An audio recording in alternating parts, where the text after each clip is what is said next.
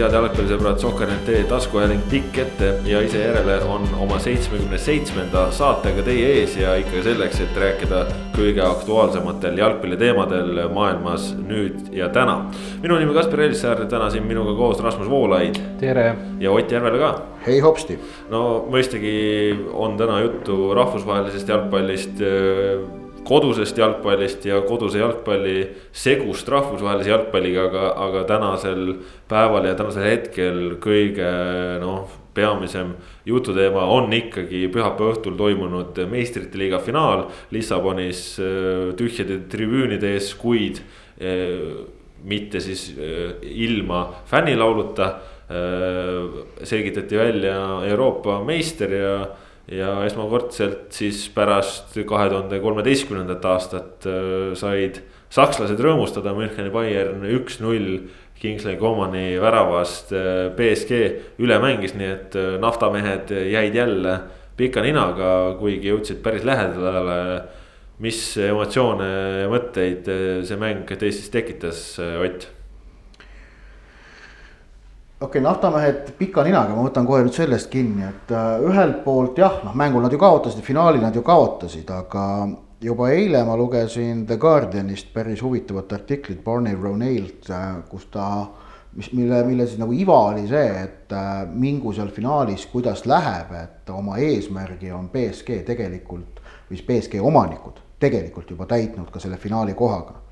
et nad on, kuidas öelda legitimeerinud iseennast tippjalgpallis sellega, et nad on finaali juba jõudnud. ja et nad on jätnud maha nüüd väga vägeva märgi ja just nimelt ka ja läbi selle, et nad on mänginud äh, head äh, ja haaravat jalgpalli, mida nad kahtlemata nii veerand kui ka poolfinaalis tegelikult ju tegid. et, ähm, et see on nagu nüüd siis selle naftameeste kohta ja no tegelikult noh, seis on ju see, et, et äh, ei ole ühestki otsast paista, et BSG hakkaks positsioone loovutama, et nad on sinna Euroopa äh, eliiti nüüd tulnud, et sinna ettenähtavas lähitulevikus ka jääda. arusaadavalt see paljudele ei meeldi. Äh, noh, sellest on, sellest on juba räägitud nii mõnelgi pool, et, et kas siis BSG-l ja Leipzigil on õigus neid äh, kõrgeid sihte püüda või mitte ja noh, neid näiteid leiab tegelikult ju teisigi, aga et sellest ei hakka, vast ei hakka rääkima, aga et nagu sportlikust poolest rääkides, siis äh, Bayerni võit äh, oli on ju ühelt poolt ootuspärane, nad läksid ikkagi finaalile noh, kerge soosikuna. ja teisalt mul on tunne ka õiglane, et kui me vaatame nüüd seda finaalturniiri siis kokkuvõttes oli Bayern nendest kaheksast võistkonnast selgelt kõige kindlam. Äh, nende süsteem toimis peaaegu alati. Äh, ja noh, see kokkuvõttes, see ongi põhjus, miks nad nagu võitsid, et BSG süsteem kogu aeg ei toiminud, noh, Atalanta vastu nad pääsesid ikkagi alles lõpuhetkedel. kuigi no ühelt poolt see nagu kinnitas süsteemi toimimist, aga noh, teisalt asi muutus ärevaks. poolfinaali esitus oli BSG poolt minu meelest nagu ülimalt muljetavaldav ja, ja, ja selles mõttes kokkuvõttes noh, muidugi au ja kuulsus Bayernile ja noh, Manuel Neuer eilse finaaliga näitas, et see Saksamaa koondise esiväravahi koht võib täiesti põhjusega endiselt tema käes olla, mitte ei ole see siis vanade teenete eest tema käes, sest et noh, see, see oli Neuerilt ikkagi mega muljetavaldav partii eile. Äh, ka, ka muuseas üks veel tõrje, noh, mis, mis tegelikult ei olnud tähtis, sest Mbappe oli suluseisus, aga ikkagi Mbappe kaheksa meetri pealt üks-ühele ja Neuer võttis ka selle jalaga ära. no Neuer minu arust äh, näitas eile jah, et äh, ta on ikkagi endiselt veel tippklassi jalgpallur. just, et ta ei ole ainult see sweeper keeper, vaid et ta on ikkagi nagu noh, super hea ka tõrjetöös.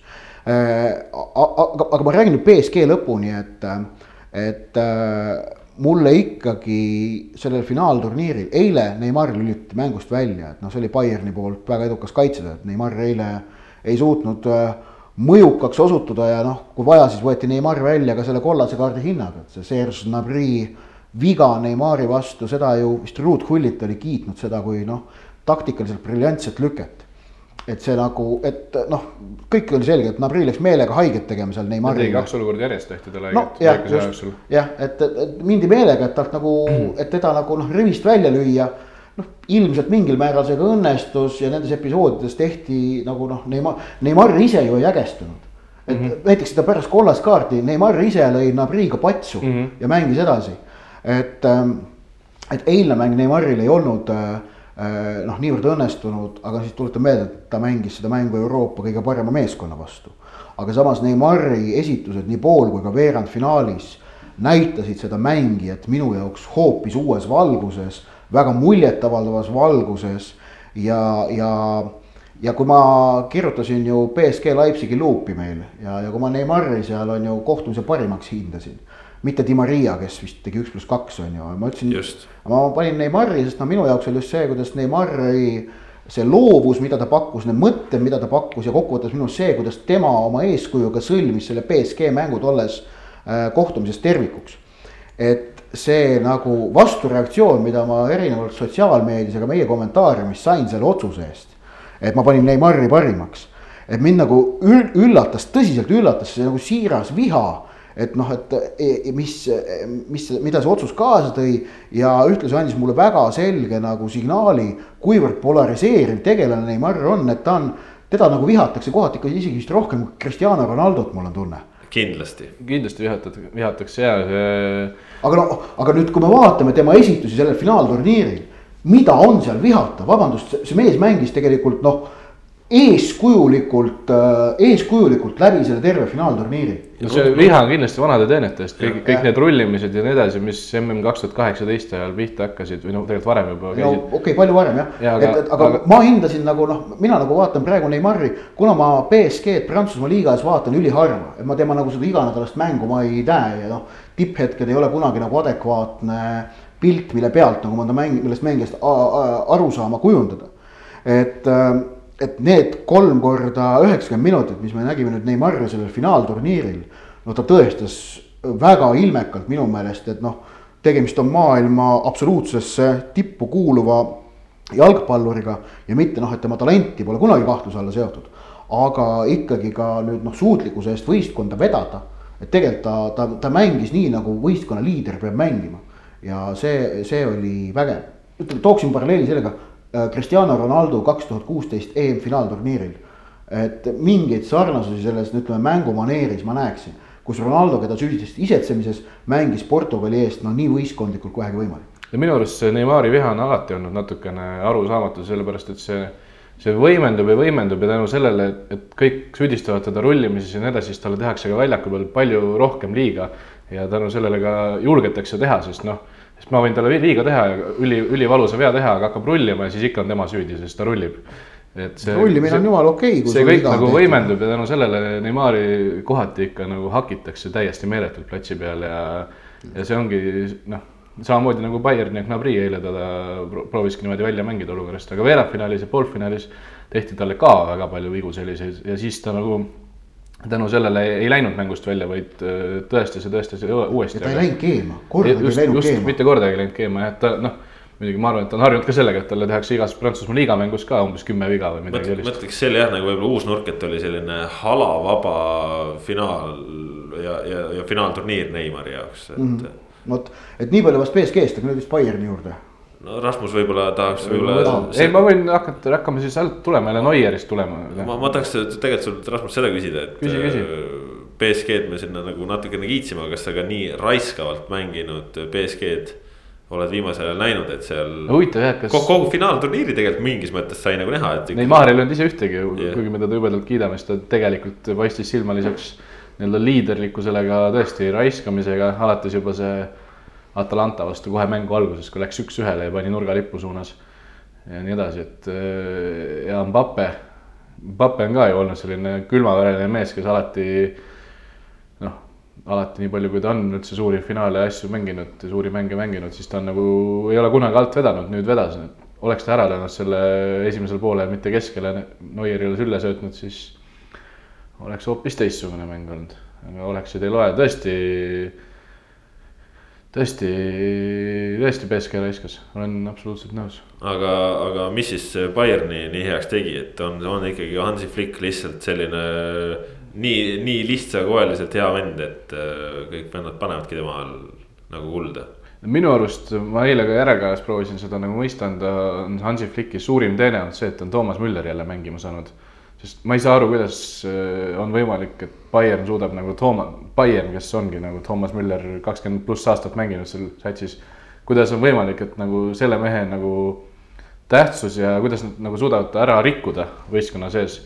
et Niko Kovac ju ta suutis, novembriks oli tal null pluss neli liigas ja lõpuks vist oli kaheksa pluss kakskümmend üks mis seal öeldi, et, et noh, et jah, et Hans, ma seda siin saates vist eelmine ülemine nädal ütlesin ka, et Hansi Flicki suurim teene on see, et või millega me suudame. Sitapea. Pole sitapea jah.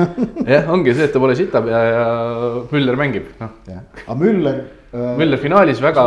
kas ma nägin õigesti, Müller on kolmekümne aastane? täiesti, täiesti uskumatu tegelikult, et ta nagu ta, ta nagu on olnud olemas juba noh, tundub. ta lõi kaks tuhat kümme MM-il viis väravat. just, et ta nagu noh, ütleme, tema nagu teenete järgi eeldaks tegemist on selle kolmekümne nelja aastase mängijaga mhm. on ju, aga ta on kolmkümmend. ja, ja noh, tema füüsis, nagu me näeme on ju selline, et noh, kuna see pole, kuna, kuna ta pole kunagi midagi erilist olnud, siis pole nagu põhjust arvata, et see kuskile ka väga kaob. et ta võib nagu rahulikult neli-viis aastat eelmist seal tipus mängida. jah, ja sihukest täpselt samasuguses rollis nagu praegu, mitte, mitte anda ennast, endast nagu kuidagi järgi mingi protsent ära. no üldse see jalgpallurite vanuse teema on, on ju ka alati selline noh, mu enda alati üks selliseid lemmikumaid äh, võrdlusi ongi, et, et Konstantin Vassiljev on Cristiano Ronaldost pool aastat vanem samaealised mehed, aga noh, väljakul. natuke teistsugused. teistsuguse kvaliteediga ja, ja, ja, ja ka liikumisega, aga noh, see selleks, see on lihtsalt jah. eile avastasin, eile või üleeile avastasin. Müller näeb välja vana ja kogenud, aga. Federico Macheda on kakskümmend üheksa. ühesõnaga. ma kommenteerisin kunagi seda väravat, mille Makeda lõi Aston Villale, ma mäletan, see oli veel Kalev spordi aeg siis ei olnud isegi Müller veel. ja siis ei olnud isegi veel Müllerit olemas. kuulge, aga, aga mida me selle kohta öelda tahame, et, äh, et nüüd ikkagi sakslased äh, üle. igal pool. üle, üle seitsme aasta jah, siin nüüd said selle ka kätte ja, ja kõik maailma suured tiitlid nende käes. jah, sakslased. ainult... maailma suured tiitlid. MM ei ole enam, need on Prantsusmaal juba. jah, jah. aga, aga sakslased jubedalt domineerivad praegu, kui vaadata noh teise treeneri pingi peal oli ka sakslane, siis. no Liverpool jah, ma sinna suunda natukene mõttega läksin jah. et see on äh, uskumatu generatsioon või uskumatu pealetung, kõik need on noored treenerid pigem ju, et äh, noh, Klopp nüüd on vist viiskümmend on täis, aga, aga siiski no,. see ei ole jalgpallitreeneri kohta väga vana. mingi kakskümmend aastat saab veel panna, kui ta tahab pärast kahe tuhande kahekümne neljandat aastat veel edasi teha aga. sina oled nii optimistlik, et Klopp on kahekümne neljandal Liverpoolis ikka jah? ei noh, mina olen muidugi optimistlik mm. -hmm. ei. asjad muutuvad jalgpallis kiiresti. mingisugune Barcelona presidendikandidaat juba noolistada jah, ma nägin, aga. ei no seal on see, et noh, vaata ikkagi lõpuks läks tal Borussias ka, et noh, ta oli Borussias imemees, aga, aga paar aastat pärast imet oli see, et läks ise minema. sest et asjad. ei, see läks küll, aga. ja ei, ei, ma ei ütle, et see kõik võib juhtuda, aga. ei, ma okay. saan, saan ka vihjest aru, et see on, on teoreetiliselt muidugi võimalik. aga tõesti, see sakslaste generatsioon on vägev ma nagu kummardan ja kummardan seda, sest see, on ka suhteliselt äge jalgpall, mulle pole kunagi Saksamaa jalgpall meeldinud, aga see nagu, kuidas nad mängivad, tegelikult on päris äge ikka. noh, siis on nii. Äh, tundub, et äh, kas meil on meistrite liiga finaali osas veel kellelgi midagi hinge all? kohtunikult äh, ma ütleks isegi tervet finaalturniiri nagu kohtunik ja mõlema liiga, Euroopa ja meistrite liiga kohtuniku töökohta ütleks, et. et kokkuvõttes ju jumala hea Äh, me, me tegelikult jah, seal mingid otsused, mis võisid meeldida või mitte meeldida. aga suures plaanis minu meelest liine hoiti ühtsena äh,. suuri jamasid ei olnud. ütleme jah, kui otsused meeldivad või mitte meeldivad, aga ei olnud sellist karjuvat eksimust. ja no eilne finaal ka, et noh, seal oli äh, lihtsalt oligi noh, liin oli see, et, et penalti nivoo on kõrge. ei antud ei avapoole lõpus Bayernile mm, -hmm. siis kui Davis kukkus ja ei antud teisel poolel BSG-le, kui Kimmich tegelikult vist väga palli ei mänginud, aga noh, see kontakt oli niivõrd õrn Mbappega ja Mbappe tegi pärast seda veel ühe sammu. ja tegelikult me nägime läbi terve selle finaalturniiri, et need õrnad kontaktid, äh, no UEFA ei tahtnud, pigem oli antud vist kohtunikele juhised. et noh, õrna kontakti eest ei ole vaja penaltit anda ja üpris ühtlaselt seda nagu ka hoiti, et noh, noh. ja, ja kokkuvõttes oli see, et, et nagu me pärast eilset finaali kohtunikust ei räägitud järelikult äh, õnnestunud projekt, pärast kumbagi poolfinaali kohtunikust ei räägitud, õnnestumine äh,. isegi vist räägiti ainult pärast kaheksandikfinaale. jah, et veerandfinaalidega oli see, et noh, et Atalanta BSG oli noh, väga tasavägine, aga kohtunikust ei räägitud, Atletico Leipzig, seal oli jah jutte mingil Atleticul esimesel poolel penalti andmata jätmise pärast, aga, aga, aga see oli samamoodi see õrn kontakt millest ka nagu me nägime, et noh, selle eest ei taheta anda. et kokkuvõttes nagu selles mõttes oli õnnestunud ja, ja Varri vaadati väga vähe. ja, ja noh, selles mõttes kiitus ka sinnapoole aga seda, ma ei tea, kas te nõustute minuga, et vaatemängulisuse poolest oli möödunud nädala parim finaal reedel, kus Sevilla tegi, tegi ikkagi noh, tormi Interiga selles mõttes, et, et suutis raskest seisust kohe alguses kiirelt välja tulla. ja, ja lõpuks ikkagi väga vaatemängulise kohtumisega võidu ära võtta. Euroopa liiga finaalil on oluliselt hõlpsam selliseks vaatemänguliseks kujuneda, sest selle võitmine või kaotamine äh, ei ole ühegi asjaosaleja jaoks kaugeltki samavõrd suur koorem, kui seda on meistrite liiga finaal. ja, ja see on, see on paratamatu, selle vastu ei saa. Äh, et, et äh, noh, see vastutus ja tähelepanu, mis kaasnevad meistrite liiga finaalis mängimise ja kartus selle kaotamise ees, just nimelt kartus selle kaotamise ees on niivõrd tohutult palju suurem võrreldes Euroopa liiga finaaliga, et see nagu eriti veel osale-, kui osalejad on Sevilla ja Inter, kes on mõlemad tippliigade klubid, oleks seal olnud Šahtar, oleks see asi olnud natuke teistsugune. Mm, ma arvan, et öö, osaliselt on nõus või noh, on paljuski nõus, aga Sevilla, Sevilla jaoks võitmine oli väga-väga oluline mm. -hmm. et öö, kõik need lood, mis seal olid, Lopetegi sai esimese kätte lõpuks ometi, et tal oli selline lõpuks nagu selline tulu selle kõigist sellest raskustest, mis ta läbi on läinud, Jesus Navas kolmekümne nelja aastasena meeskonna kaptenina oli, oli tiitli juures ka neliteist aastat tagasi, kui esimene tuli ja ja nii edasi, et võitmine oli mõlema jaoks oluline. noh, isegi Conte ju arvas pärast kaotust, et nüüd on tema, temaga kõik Interis, sellepärast et ta kotti sai äh.... ehk siis ka nagu seal on, panused on kõrged, aga see tähelepanu absoluutselt ei ole, ei ole, ei olegi võrreldav meistrite liigaga. ei pea olema tõesti ka, aga, aga selles suhtes äh, seda ütleme. mõte veel see, et Euroopa liiga finaali kaotus, et, et see jääb defineerima mõne klubi ja, või mängija karjääri. et see tõenäosus on ikkagi üpris väike, aga meistrite liiga finaali kaotus võib väga sageli jääda kas tervet klubi, võistkonda, mängijat või mingit, no, mingit koolkonda defineerima. Loris Kaarus jah, tervitused äh, sinnagi, aga, aga selles suhtes seda pinget äh, nägime meistrite liiga ka uue hooaja algusfaasis, ehk siis äh, esimeses eelringis, kui Tallinna FC Flora võõrustas Leedu meistrit Suduvat äh,, siis ka see mäng, mis siin äh, nädala keskel äh, Tallinnas peeti, oli selles mõttes äh, noh, ikkagi väga-väga ettevaatliku algusega, näha oli ka, et ütleme absoluutselt meistrite liiga teine äärmus, ehk siis finaali asemel me räägime esimesest eelringist. aga seal osalevate klubide jaoks olid panused väga-väga kõrged, väga ettevaatlikult äh,. Flora esialgu mängis äh, ja kokkuvõttes oli Suduvaga lahing selline, et äh, teist nii head võimalust nagu noh, oleks olnud raske tahta, aga, aga Flora ise tegi rumalaid eksimusi, ise jättis löömata. nägime üle hulga ja Eestimaa pinnal äh, nüüd üle mõne aasta siis eurosarjas lisaaega, penalteid ja noh. lisaaega nägime eelmine aasta ka jah, just, et penalteid üle hulga aja ja noh, läks seal ikkagi, ikkagi halvasti jah see lisaaeg oli sõge vaatamine, see oli täiesti pöörane jalgpall, see ei olnud üldse ilus jalgpall, see ei olnud üldse nagu esteetiliselt kaunis ja mõnus asi, mida vaadata, aga see oli nagu see oli niivõrd vaatemänguline, kuidas mäletan, mingi, mingi episood oli, kus võeti suurde plaani Matvei Igonen, kes oli just palli kätte saanud. taustalt oli kuulda, kuidas Jürgen Henn karjus, et ava kiiresti, ava kiiresti.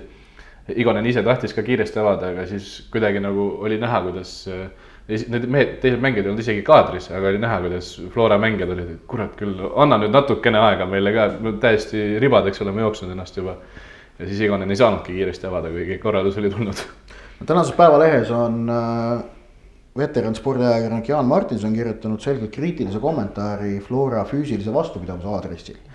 Ja, ja ütleme, need signaalid ja need äh, vihjed tulid pärast seda kolmapäevast mängu mujaltki, et, et seda nagu kriitikat erinevatest, erinevatelt väljadelt võis nagu näha, et kuidas on võimalik, et ei jaksatud joosta. ma ei ole spetsialist selles vallas. Äh, äh, ja, ja noh, variante on mitmeid, variante ongi, et Flora oligi füüsiliselt nõrgem kui Suuduva, mis on, mis, mis nagu noh, pigem kippus tõesti olema, pigem see vist nii oli ja, ja kuna noh, piisab tegelikult ju paarist protsendist, et see väljakul võimenduks mm -hmm. niivõrd vägevalt, nagu ta on. aga seal on sihuke, ütleme teised selgitused, üks neist on, üks neist on see, et, et Flora mängustiil on energiat äh, rohkem kulutavam. ehk et äh, see, kuidas Flora noh, normaalajal otsis nagu spurtidega neid, neid ruume sinna suuduva kaitseliini taha, et see kulutas võistkonda rohkem kui suuduva selline kuidas öelda siis, talitsetum stiil no,. Eh, see võib, see no. võib tõsi olla, aga samas on, on ka see, et noh, kui nagu võistkond valib endale teatud stiili, siis tal peab olema ka füüsiline võimekus selle stiili mängimiseks. no selles ma seda, seda ütleks küll kohe, et, et ma ju siin staadionil ka ütlesin mängu päris algusfaasis, me siin Ott isegi rääkisime, et, et Suduva oli ikkagi nii passiivne kaitsefaasis selles suhtes, et Nad isegi ei mõelnud selle peale, et nad võiksid natukene kõrgemalt äh, survet teha esimese hooga. Nad lasid väga rahulikult tulla, nad olid väga staatiliselt, lihtsalt hoidsid tsoone kinni. ehk siis nad mängisid äh, väga nagu energiaefektiivselt, ütleme, et äh, sihuke A pluss klassi pesumasin. see on, see on, see on kogemuse märk. just Flora ju andis initsiatiiviga väga selgelt kuskil tunni möödudes juba Suduvale, mis ilmselgelt pärast seda Soduva ju ka kulutas ise vähem energiat kui Flora selle, selle vastu ise nagu seismise. jah, jah, ja siis noh, teine asi, mida tuleb nagu alati rõhutada, on see, et, et äh, noh, ma ei usu, et ükski jalgpallur läheb väljakule teadmisega, et ma pean lisaaja jaoks jõudu säästma. ehk et alati noh, sel tasemel me räägime ikkagi juba tippjalgpalluritest, kellel on noh, väga palju võistluskogemust. alateadvus programmeerib jalgpalluri keha Äh, energiakulutuseks üheksakümne minutiliseks kohtumiseks. et, et, et noh, piltlikult öeldes siis noh, nagu neljasaja meetri jooksja peab olema finišiks tühi, siis noh, jalgpalluri peaks ideaalis olema üheksakümne minuti lõpuvälja kõlades nagu tühi, et siis, siis ja, ja noh, lisaaeg on siis selline erandjuhtum noh, tõsi, selles kohtumises ilmselt selle tõenäosus oli juba algusest peale oluliselt suurem, kui see muidu on. no see selgus, ei selgunud ka niimoodi üheksakümnendatel, et kurat, nüüd paneme veel panema, et see oli varem teada, et see võib väga suure tõenäosusega tulla. nojah, aga ikkagi, et jalgpallurid noh, alateadlikult programmeerivad, ma pakun ennast ikkagi üheksakümne minutiliseks mänguks. ja siis, kui tuleb lisaaeg, siis on vaja otsida üles need nõnda-öelda nähtamatud reservid ja noh sealgi nüüd tuleb tõdeda, et ilmselt tõesti sudumeeste alateadvuses oli seda kogemust jällegi rohkem, nad olid seda endale rohkem jätnud ja sellepärast nad lisa ja teist poolaega ka valitsesid. ma, ma siin, ma isegi ütleks, ma ei tahaks selle nurga alt nõustuda, et eh, Flora oli muidugi üliväsinud, aga minu arust Sudu oli täpselt samasugune laibahunnik Äh, ja, ja ainus vahe, mis seal tekkis, oli see, et Suduva tõi omale keskväljale väga värske venna, kes äh, ja. pani normaalselt üles-alla ja Flora keskväli oli tühi. Äh, seal ei olnud värsket mäng, värsket mängijat ja, ja, seda siis seetõttu, et Jürgen Enn ei teadnud, et ta saab ühe vahetuse veel teha. just, et noh, see ikkagi kordan veel, et see ei ole lubatav. et meil on, on Eesti parim klubi Äh, kes on uhke oma igatpidi professionaalse talitusviisi üle ja noh, põhjusega on seda uhke, et, et noh, need tingimused ja, ja protsess, mis nagu Floras on üles seatud, see on äh, märkimisväärne. Aga see ei ole lubatav ja mis siis, mida see kohtunik ütles, siis pean ütlema kohtunikult, sa ei tea midagi, meil on neljas vahetus. vajadusel kutsud peakohtuniku, kutsud delegaadi, lööd lamenti ja lärmi ja nõuad seda neljandat vahetust endale. no see on see, see, head inimesed see on liiga, see on kohutavalt piinlik, ma tegin sellest mängust äh, laivülekannet, ma ootasin seda vahetust näiteks Poom Soometsa asemele kuskil juba normaale ja seitsmekümne viiendast, kaheksakümnendast minutist al alates, kui oli näha, et kurat, seal on, mees on ribadeks. Ja seesama mees mängib veel saja kahekümne minuti täitudes ka, mõtlesin, et äkki siis toob vähemalt värske mehe penaltit lööma. ei tooda sedagi ja siis ma loen mõned tunnid hiljem äh, meediast, kuidas Sokkernetist. just, meie, meie, meie järelkaja, kus mees ütleb lihtsalt, et meil ei olnud vahetust. see on tõesti, ma hoidsin kahe käega peast kinni, kuidas see võimalik on? no mul oli ka, ma ütleme. mis, mis sa tundsid pressikonverentsil? no mina olin konkreetselt segaduses äh, ja ma hakkasin guugeldama, et kas ma olen nagu mingit jalgpallireeglitest äh, ilma jäänud. reaalselt mul see, mul läks järelkaja ülespanekuga sellepärast aega, et ma pidin hakkama kontrollima, et kas midagi on juhtunud no. seal oli noh, aga seal oli, tähendab jah, et kui seal pressikonverentsil nagu see vastus tuli, see oli minu jaoks ka ausalt öelda niivõrd üllatav, ma ei suutnud sellele kohe reageerida no,. No, Ke, keegi meist, ei kumbki meist ei suutnud. ei suutnudki ja, ja, ja seal oligi ju, seal seda enam, et äh, Henn ju vastas, et viis pluss üks oli siis, mis oli nagu täiesti veel nagu kuidagi kastist välja, see ei sobitunud üldse ja, sinna siis.... aga selline segadus ei tohi juhtuda, nii lihtne see ongi. ja, ja ma ütleks, et ongi, et äh, ma noh, Soomets oli ju esimesel poolel oli kehv, äh, tõesti oli kehv ja, ja Poom saadeti juba vaheajal sooja tegema. Äh, Soomes teisel poolel muutus paremaks.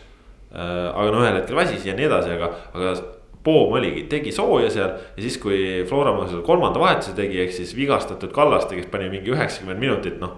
laias laastus üheksakümmend minutit jooksis äh, katkise hüpekaga. Äh, et kui tema võeti välja, Järvel tuli sisse, siis Poom tuli sealt soojendusalalt ära.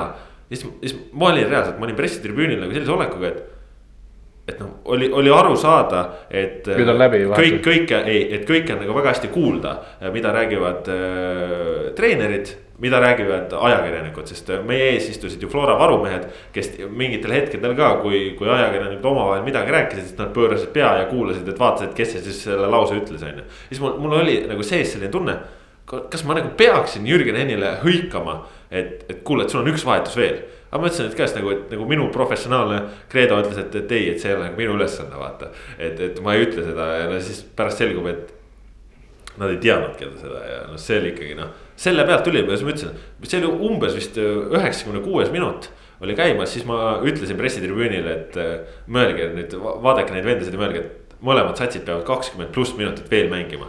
mõlemad satsid olid selleks täiesti noh, konkreetselt surnud, Flora oli surnud, aga Suduv oli samamoodi aga Suduva suutis värskete jalgadega vahetustega tuua sinna keskele selle ühe venna, kes äh, pani palli liikuma ja sellest piisas. ja, ja see varjas ära ka seda, et tegelikult ülejäänud Suduva oli samamoodi koomas. aga, aga. aga kuidas, mis Flora reaktsioon oli sellele, kui Suduva neljanda vahetuse tegi? Nad ei, kas nad ei fikseerinud seda või? ei, ei pandud vast tähele. no seal oli, seal oli, seal oligi vaata see nüanss vist, et, et äh, Suduva oli normaalaja jooksul kolm tükki ära teinud aa, nad jah, nad ju arvasid seda, et kui just. me teeme lisaajal ühe, siis vahet ei ole, mitte kui normaalajal teeme. reeglit rõhutame kõigile üle. lisaaeg tähendab, et võistkonnale lisandub üks vahetus. kokku lepitud vahetuste hulgale.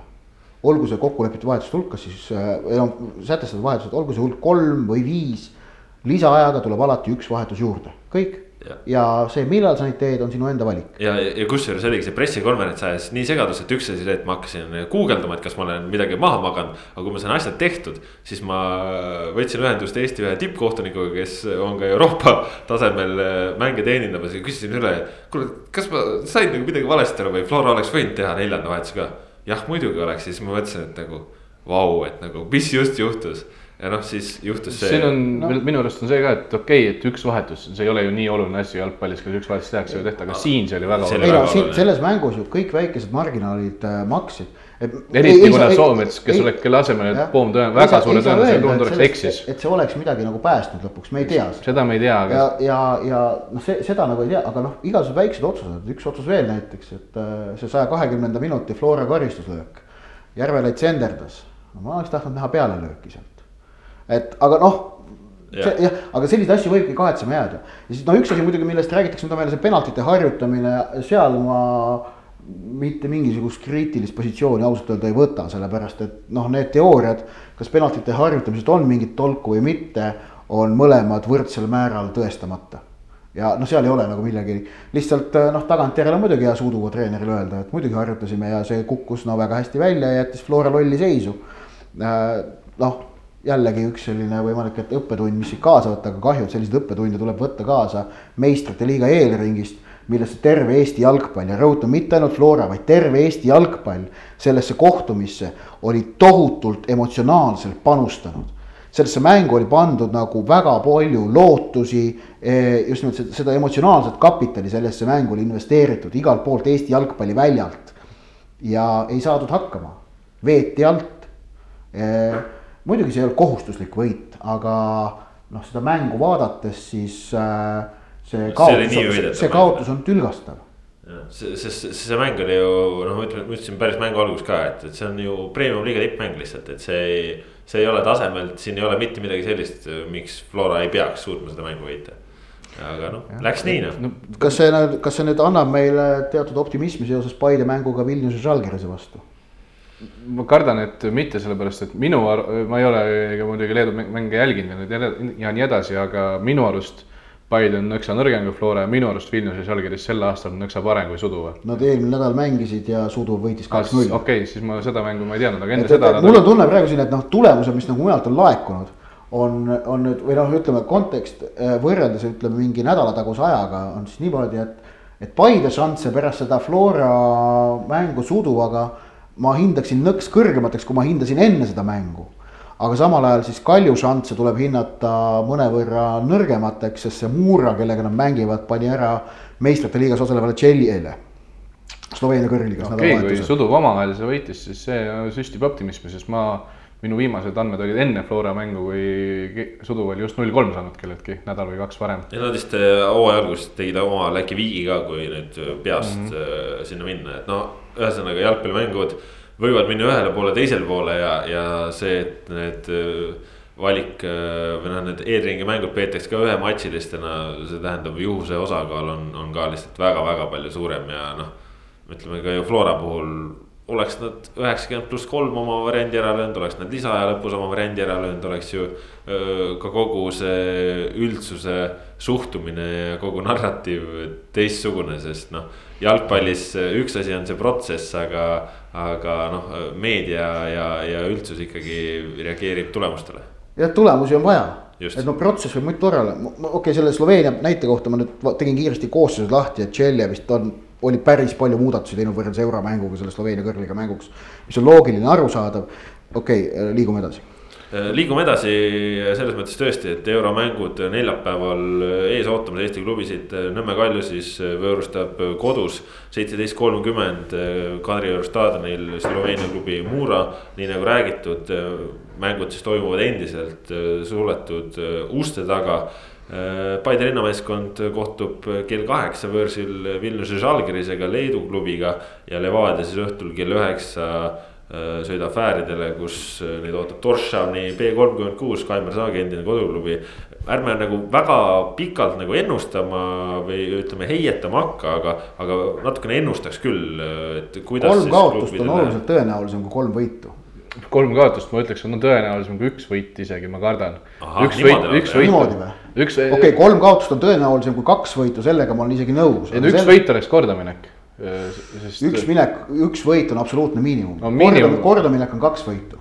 no aga võtame reaalselt, Paide ei ole, ma arvan, Paidel on väga no, raske.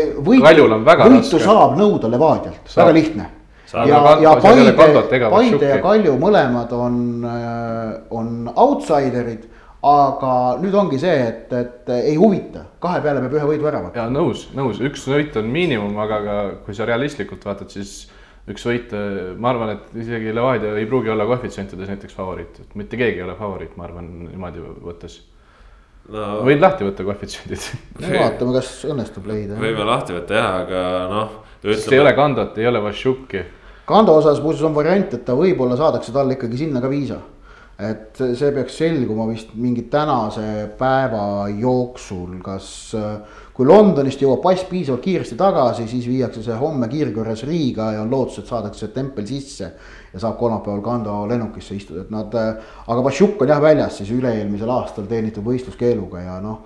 Vašjuk on olnud väga tähtis mängija Levadiale aga samas nüüd ei, ei ole nagu nii hull, et nagu ei oleks kedagi, kes teda seal keskel asendada ei suudaks, et noh, et. no Kanda oleks hullem kaotus no jah, jah, aga noh, muidugi eestlasena on ikkagi jube kummaline, et aastal kaks tuhat kakskümmend peab inimese pass füüsiliselt mööda Euroopat ringi rändama, et. Äh, no aga see tegelikult siin jälle selle osas ka nüüd nagu on harjutud Levadiat siia. ei no sinna... see ei ole, see asi ei ole Levadias, see on lihtsalt jah, nagu, et teistes riikides käivad asjad nagu ikkagi väga teistmoodi no mul on, aga e-, ega. ma mõtlen just ongi, et Aafrika riik, et sul ongi, sul on vaja saata saatkonda füüsiliselt, sul ei ole e-lahendusi. ega Eestisse sõitmine Aafrika kodanikel on samamoodi seotud raskustega. ja see on lihtsalt nagu noh, tingitud olukorrast, et äh, Aafrikast on illegaalse või ütleme noh, valeliku sissesõidu oht mitmetest Aafrika riikidest on niivõrd suur, et sellepärast äh, Euroopa Liidu ja üldse Euroopa noh, esimese maailma riigid äh, menetlevad neid viisasid äh, põhjalikumalt kui, kui muidu. jah, aga. et see on noh, ütleme, see on ja, ja ütleme noh sellist, sellistel põhjustel on ka Euroopa tippklubidel aeg-ajalt juhtub, et mõni mängija ei saa mängule sõita, et see ei ole midagi sellist nagu erakordset. ja eurosarjadest rääkides on Eesti klubide vastastel varemgi juhtunud sääraseid asju minu arust mingil aastal Tbilisi Dinamo ei saanud mingit venda Eestisse kaasa võtta, sest noh, et ei olnud viisat lihtsalt. minu arust kõige sellisem. Skendial vist ka äkki kunagi, ei mitte Skendial, vaid mingil muul Makedoonia klubil. Prilep ja Pobedal äkki kunagi, aga noh et.... minu arust meeldejäävam on ju see, et äh, BSG kaitsja Serge Aurier ju ei saanud vist, ma ei tea, siin neli aastat tagasi ei saanud Inglismaale sõita mingiks euromänguks. no mingi jama vist oli tal ka, et ühesõnaga neid asju, neid asju juhtub Äh, sellega noh, tuleb lihtsalt arvestada või noh, ja, ja paraku ka leppida, et, et. Et äh, õnneks jalgpallis ei olda niivõrd äh, naiivsed nagu jalgrattaspordis, mida me eelmine nädal nägime, et kus, kui.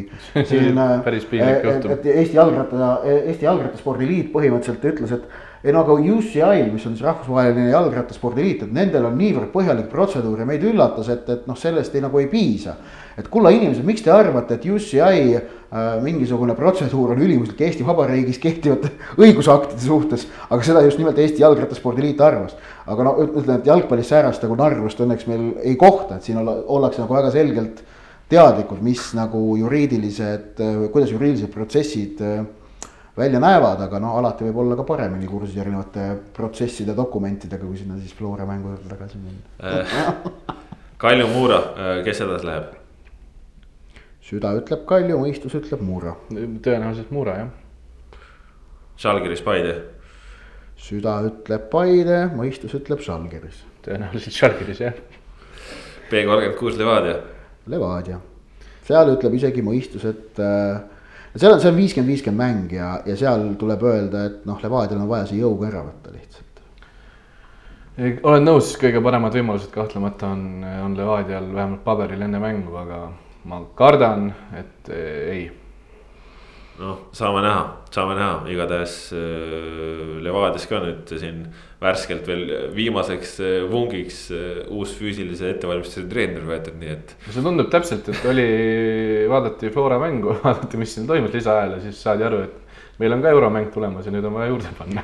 ei noh, tegelikult taust on ju see, et aasta algusest on, on otsitud ja üks Ukraina spetsialist neid seal talvel aitas ja nii edasi, aga noh noh, jah. no tuli koos Savitšiga ja noh, see on ka Levadial näha, et, et jah, et see noh, paistab, et me näeme seal sellist ikkagi Lagerbeck, Söderbergi stiilis lahendust, et, et kaaspeatreenerid, no kirjade järgi ei ole, aga noh, see, kuidas nagu Transi mängu ajal Savitš ja Vassiljev rollid jagasid, siis see nagu viitab väga selgelt sellele, et meil on seal kaaspeatreenerid ikkagi tegelikkuses. no ütleme noh, selles mõttes, et Vassiljev, ma arvan, et ta on selle nurga pealt hästi tark treener, et ta Äh, kasutab enda tugevusi ja ta ei karda kasutada oma abiliste tugevusi samamoodi, et.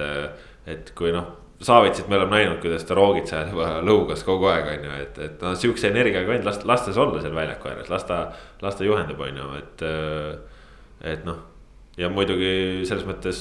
kas Savits on ka nüüd see treener, kes äh, igasugustel Premium-liiga mängudel käis soojendusalas nii-öelda ühte, ühtaegu soojendas enda mehi või tegeles enda meestega ja samal ajal töötles ka vastase väravahti ja. kas see on mingi see. see oli see teine? see oli see Trajkovitš minu arust. aa, see oli Trajkovitš, see oli äge tüüp aga noh, noh selles mõttes, et Savits ja, ja, ja Vassiljev, nendel tõesti on väga hea läbisaamine, Vassiljev ise soovis, et äh, Savits äh, klubi poolt siia toodaks ehk siis eh, selles mõttes nad eh, näevad väga sarnaselt seda jalgpalli, nii et ma arvan. selles mõttes eh, noh, ongi Vassiljev teeb nagu lõpliku otsuse, aga, aga eks, eks ta ongi, kuna ta peab Savitsit ka enda jaoks väga võrdseks partneriks, siis seal ongi, noored mehed koos otsustavad.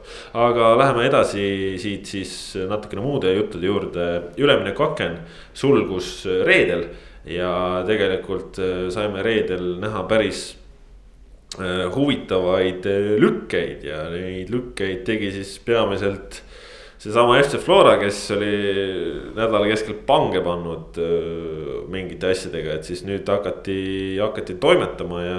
Ja toodi omale Leegionist laenule Leonid Arhipov, noor vasakjalgne, noh, Leegionis pigem ääreründaja, aga Florasse pigem siis vasakkaitsja perspektiiviga toodud. ja, ja Marko Luka, mees, kes on Floras üle parda visatud Kuressaare tema mängija õigused endale sai siin aasta alguse eel. Aga, aga nüüd Lukalt pool hooaega Kuressaares väga head mängu ja, ja nüüd siis Flora läks, läks ikkagi uuesti Kossja Lukale ja, ja tõid ära, nii et mis me nendest asjadest arvame? no siin peab olema midagi, midagi selle taust veel, see ei ole lihtsalt, et Flora tahab endale ühte meest juurde äärekaitsesse ja ühte meest juurde keskkaitsesse, et see ei saa olla nii, nii või noh. no see ei olegi nii. see ei ole nii, et siin peab midagi nüüd hakkama juhtuma lähipäevil, lähiajal tõenäoliselt no.. jah. väga kaugele ilmselt ei pea mõtlema ka, kui mõni jalgpallisõber noh, võib-olla nagu mingeid asju pole jälginud, siis. noh, kui sul on keskkaitset juurde vaja, siis noh, lihtsalt sihuke no, meeldetuletus, et on üks sihuke noor keskkaitsja Maksim Baskoltši, kes käis Tottenhamis testimisel.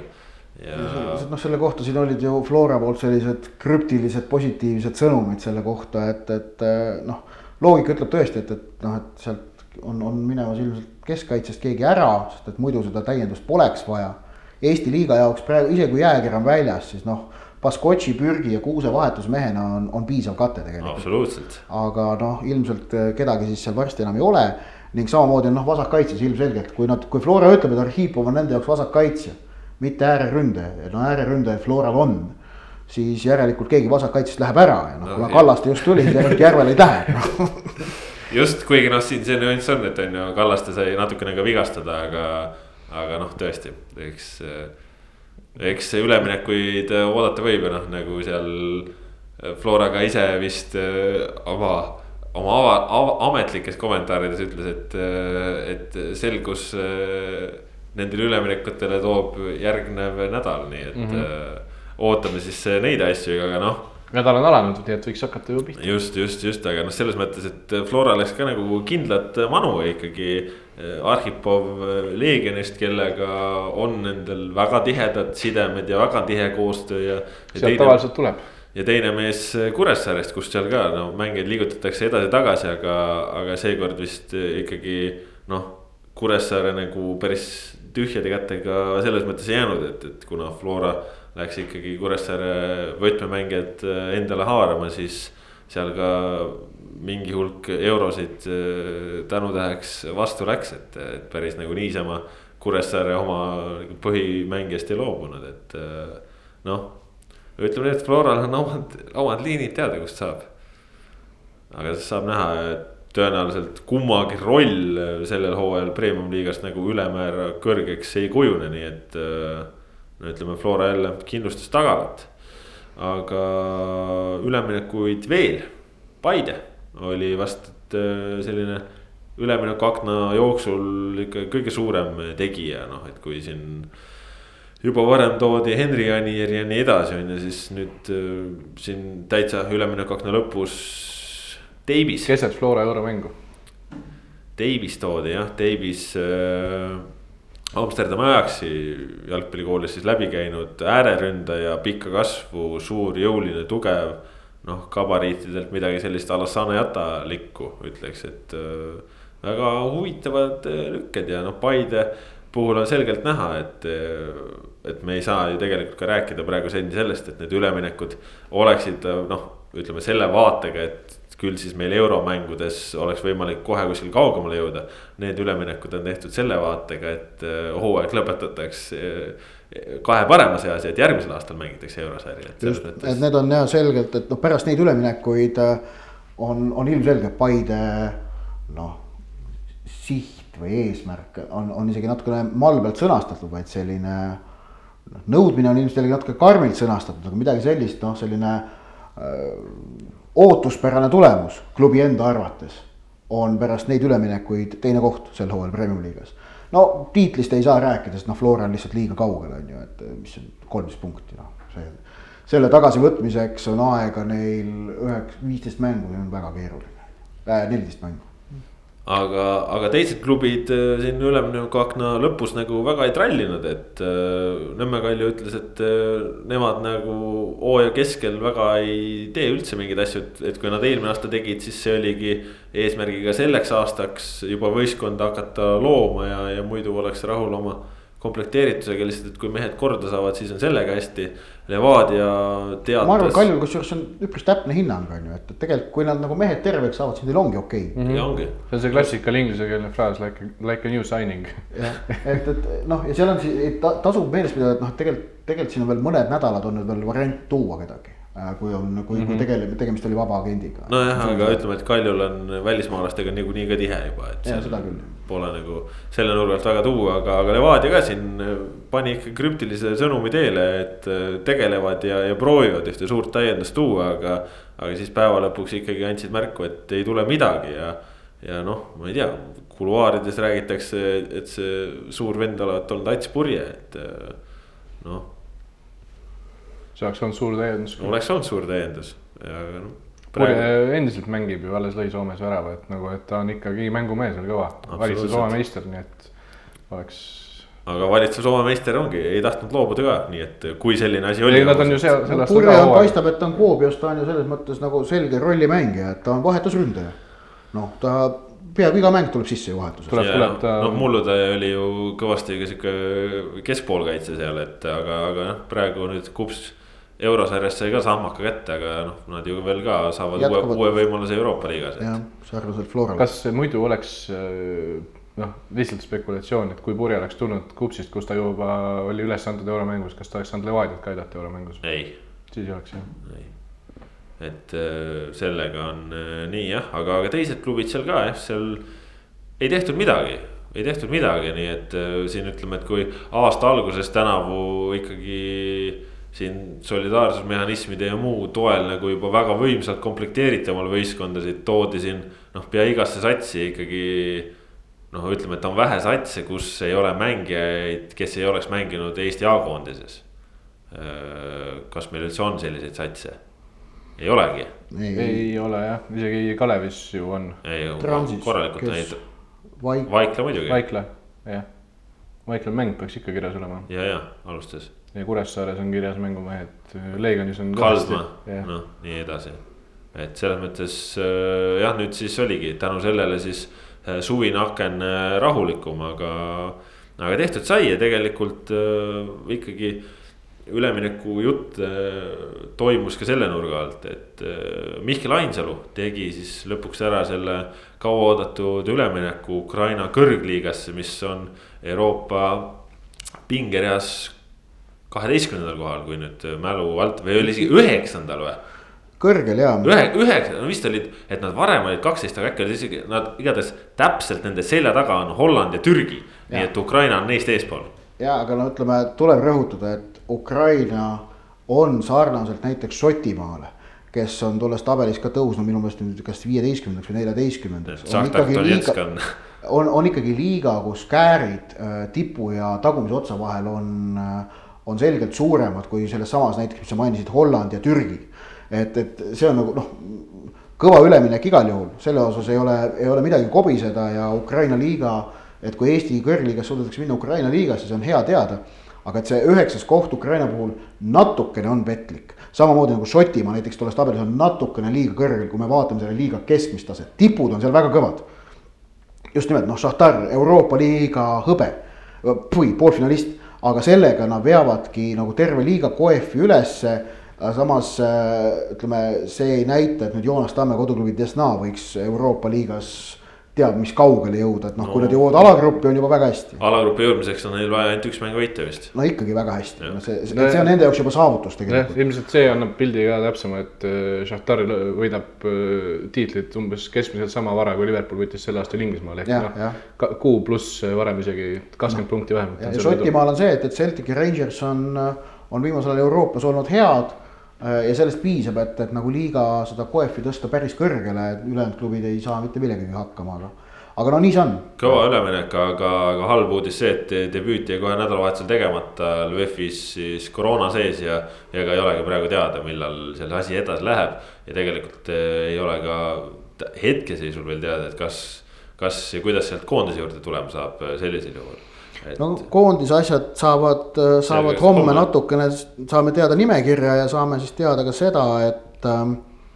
et kas ja mis on, on erinevad reisipiirangud, kas need kuidagi piiravad koondise koosseisu või mitte ja no loogika ütleb, et kõige suurim küsimärk on Erik Sorga kohal. et, et USA-st siia tulemine ja tagasiminek, et see on probleem kõik noh, kõik, kõik saavad aru, noh, et see on keerulisem kui siin Euroopa sees liikumised. aga siin on praegu isegi on tekkinud huvitav olukord, kus äh, varem oli Eesti koondise esiründaja Henri Anier. siis Erik Sorga sai selle positsiooni endale tänu rohkete väravalöömistele. ja, ja praeguse, ma arvan, tänase seisuga võib Eesti esiründaja olla hoopis Rauno Sappinen, kes on Eestis lööma hakanud, Sorga ei ole saanud mängida. Anier just sai klubi, nii et äh, see on nagu kihvt näha, kuidas see käib sealt äh, roll ühe käest teise kätte. nojah, noh nojah no.. see, kes Floras lööb, see mängib aga tegelikult üks vägev üleminek oli veel. Nikita Baranov tuli siis Armeeniast ära, tahtis euroopalikumat keskkonda ja, ja siirdus Küprose kõrgliigasse, Karmiotissasse, aastase lepingu seal tegi ja, ja kohe debüütmängus kaks-kaks viik Apoeliga. see näitab mängija kvaliteeti, et praegusel äh, ebakindlal ajal Euroopas äh, suudab teenida noh, lepingu normaalse kõrgliiga, noh, sellise normaalse tasemega kõrgliiga klubis. näitab Baranovi taset, selle üle on hea meel. Küprose kõrgliiga on tugevam Armeenia kõrgliigast, seal tuleb nagu Kindlasti. nagu rõhutada, et, et just nimelt sellest keskmisest tasemest rääkides, et Armeenias jah, tipp Ararat Armeenia ja tegelikult ka see Alaskert, noh korralikud äh, satsid, aga, aga noh, see liiga sügavus, see on ikkagi Küprosel parem jah. Ja, ja tegelikult äh, uudiseid tõenäoliselt äh, millalgi saab tulema veel koondislaste rindelt, sest Artur Pikk ka Legnitsa Mietsis Poola esiliigas ei jätka. tahaks mängida kõrgemal tasemel, saame näha, kas, kas sealt ka midagi põnevat välja tuleb, igatahes ülemineku tralli selles mõttes veel jah natukene jagub, sest äh, kuigi Eesti üleminekuaken läks kinni, siis välismaal on need asjad lahti, nii et Eestist saab veel välja minna ja. ja saavad ka koondislased, kes välismaal pallivad, klubisid vahetada, nii et selles mõttes kõik huvitav veel ees, aga räägime siia saate lõpetuseks natuke ka premium-liiga voorust, mis äh, möödus ilma suuremate üllatusteta, aga siiski natukene kõneaineid erinevatel teemadel pakkus, noh näiteks Levadia, kes siis läheb äh, Fääri saartele mängima. Äh, nende mäng siis Narva Transi vastu, noh Transil oli küll väga palju puudujaid, aga. aga nii kindlat Levadiat ei ole ikkagi tükk aega näha saanud, kolm-null võitu võeti. Transil sisuliselt variante ei olnud äh, noh, seal avapoole lõpus korraks posti löödi, aga, aga nagu mänguliselt Levadia oli ikkagi nii veenev, et noh, see kindlasti andis väga vajalikku enesekindlust. kuidas teile tundus?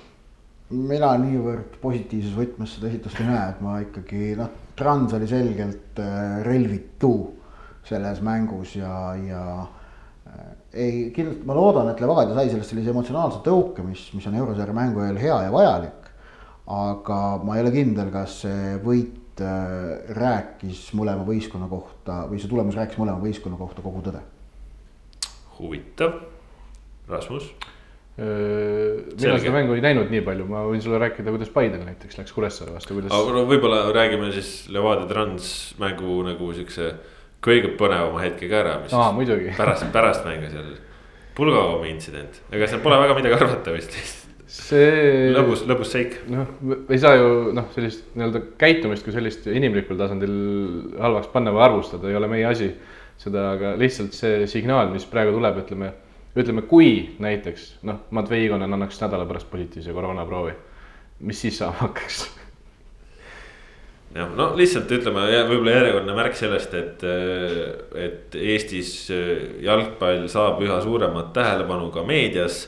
eriti kui meil on eraldi jalgpallimeedia, siis noh, mõistagi see jalgpalluri roll on siin ajas ka muutunud, jälgitakse natukene tähelepanelikumalt, eh, mis asja tehakse. ja võib-olla sellega tasuks lihtsalt arvestada. jah, eriti kui sa tuled avalikku kohta, kus on kaamerad. just, näiteks, ja noh. no niisama vist ka arvestada. ega, selles midagi ju nagu valet ka ei ole, aga lihtsalt ongi, et kui meil on siin eh, noh, ütleme siis noh, euromängudes näiteks ja koondise tasemel on need koroonareeglid lihtsalt nagu ülikarmid. et siis äh, signaal lihtsalt, mis teele läheb, ei pruugi olla väga hea aga, aga räägi siis Paidest, Paide pani Kuressaarele neli tükki ja esimene poolaeg oli kuidagi jube vaikne seal selles mõttes, et. et noh, Paide küll palliga tegi asju, aga võrku ei saanud ja, ja siis, siis ühel hetkel hakkas tulema. no see, see oli klassikaline mäng, mis käib esimese väravani põhimõtteliselt, kuigi Mairo Miil arvas teisiti, sest noh, esimese poole kõige ohtlikum olukord tegelikult, kui võtta lihtsalt mustvalgelt, siis kukkuski Kuressaare poole lõpus. kui Miil posti lõi täiesti tühja koha pealt teisel poolel ta pani vägeva paugu, mis oleks sinna Schleiniga koos hakanud kõvasti kuuvärava edetabelis äh, nii-öelda võitlema, aga, aga ei läinud sisse. Paide lõi omad ära, järjest lõid. Anier sai esimese kätte, väga tore, äkki. söödu ka Anier sai söödu ka kätte tõesti, Kristjan Pelt sai kaks söötu. Pelt oli üldse muljetavaldavalt hea ja noh, siin. see eriti see Anieri sööt, seda, kes ei ole vaadanud seda, sellepärast tasub vaadata. siin, siin, siin tundub ikkagi, et euromängus me näeme Pelt kasepaari, et siin noh. Oli... noh. see oli selgelt, siin nii mõndagi sai vaadata, et noh, et näiteks ma ei usu, et Sané alustab Žalgirise vastu, oleks ta nüüd saanud üheksakümmend kätte. kurat, Sané puhul tead ma isegi no,. poolteist kuud pole mänginud üldse jalgpalli ju. ei, ta ju tuli vahetust möödunud voorus möödunud voorus, möödunud voorus sai need, ütleme tema puhul ma nagu isegi äärekaitset ma nagu. seal ta kvaliteet on lihtsalt sedavõrd selge, et, et seda ma nagu isegi näen juhtumas, aga. aga Kurutsagat algkoosseisu pääsemas tuleks tänasel hetkel isegi pigem üllatus on jah. Jussif ka, kui ei mänginud Premium liigas, miks ta peaks mängima Euroopas on ju. ei, Jussif on tulevikuprojekt, tulevikuprojekt konkreetselt nagu selles mõttes, et noh, ütleme, et siis mitte nagu Viljandi, vaid äh, nagu kaugemale vaatav. jah, imelik oleks, kui oleks Viljandi projekt yeah.. Äh, Anier, ma ei imestaks, kui tema alustab. Žalgirise vastu. et selliseid asju sai siit välja lugeda, aga, aga, aga ma eriti just enne värava olukorda hakkasin spekuleerima ka kommentaaris, et Pellilt jälle korralik esitus, et kas tõesti mängibki siis mees ka Leedus ja siis paneb veel sellise söödu nagu nii-öelda tõestuseks, et jah, mängin küll.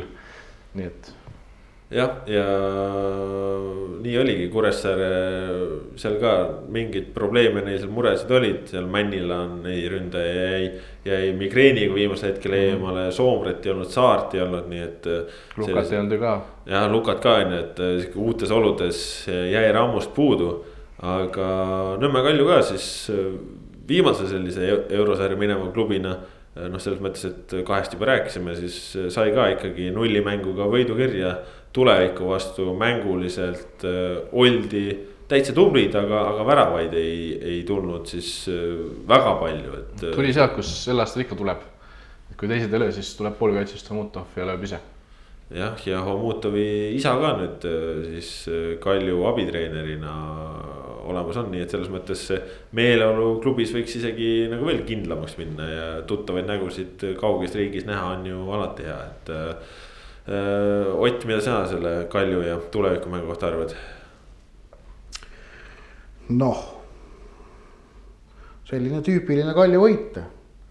sellist oleks Euroopas ka vaja. jõuga võeti ära just ja, ja noh, mis sealt veel mingid märksõnad, noh, Hommutov tõestas kvaliteeti taaskord. ma, ma usun, et Muure vastu on, on, on ta võtmemängija Kalju jaoks, et mitte tingimata isegi NATO, et noh, NATO peab tegema omi asju, aga aga Homutovi energia, mitmekesisus, oskus liikuda õigesse positsiooni, noh, noh, ta, ta, ta suudab ründemängus ähm, noh, ta, ta ei mängi nagu ütleme sellise ühe mustri järgi, ta, ta on nagu ründemängus väga mitmekesine tegelikult. ja ta oskab äh, hästi valida selle õige tegevuse, mis võistkonnale kõige kasulikum on ja, ja sellepärast ma usun, et ta on Muure vastu Kalju jaoks vast väga-väga tähtis mängija, et ma usun, et NATO osas noh, Muura kindlasti on nagu tudeerinud Kaljut ja teavad, et NATO on see noh, on ta kõige parem playmaker. ja ei üllataks mind, kui, kui temaga tehakse selline no üpriski konkreetne man-marking lahendus.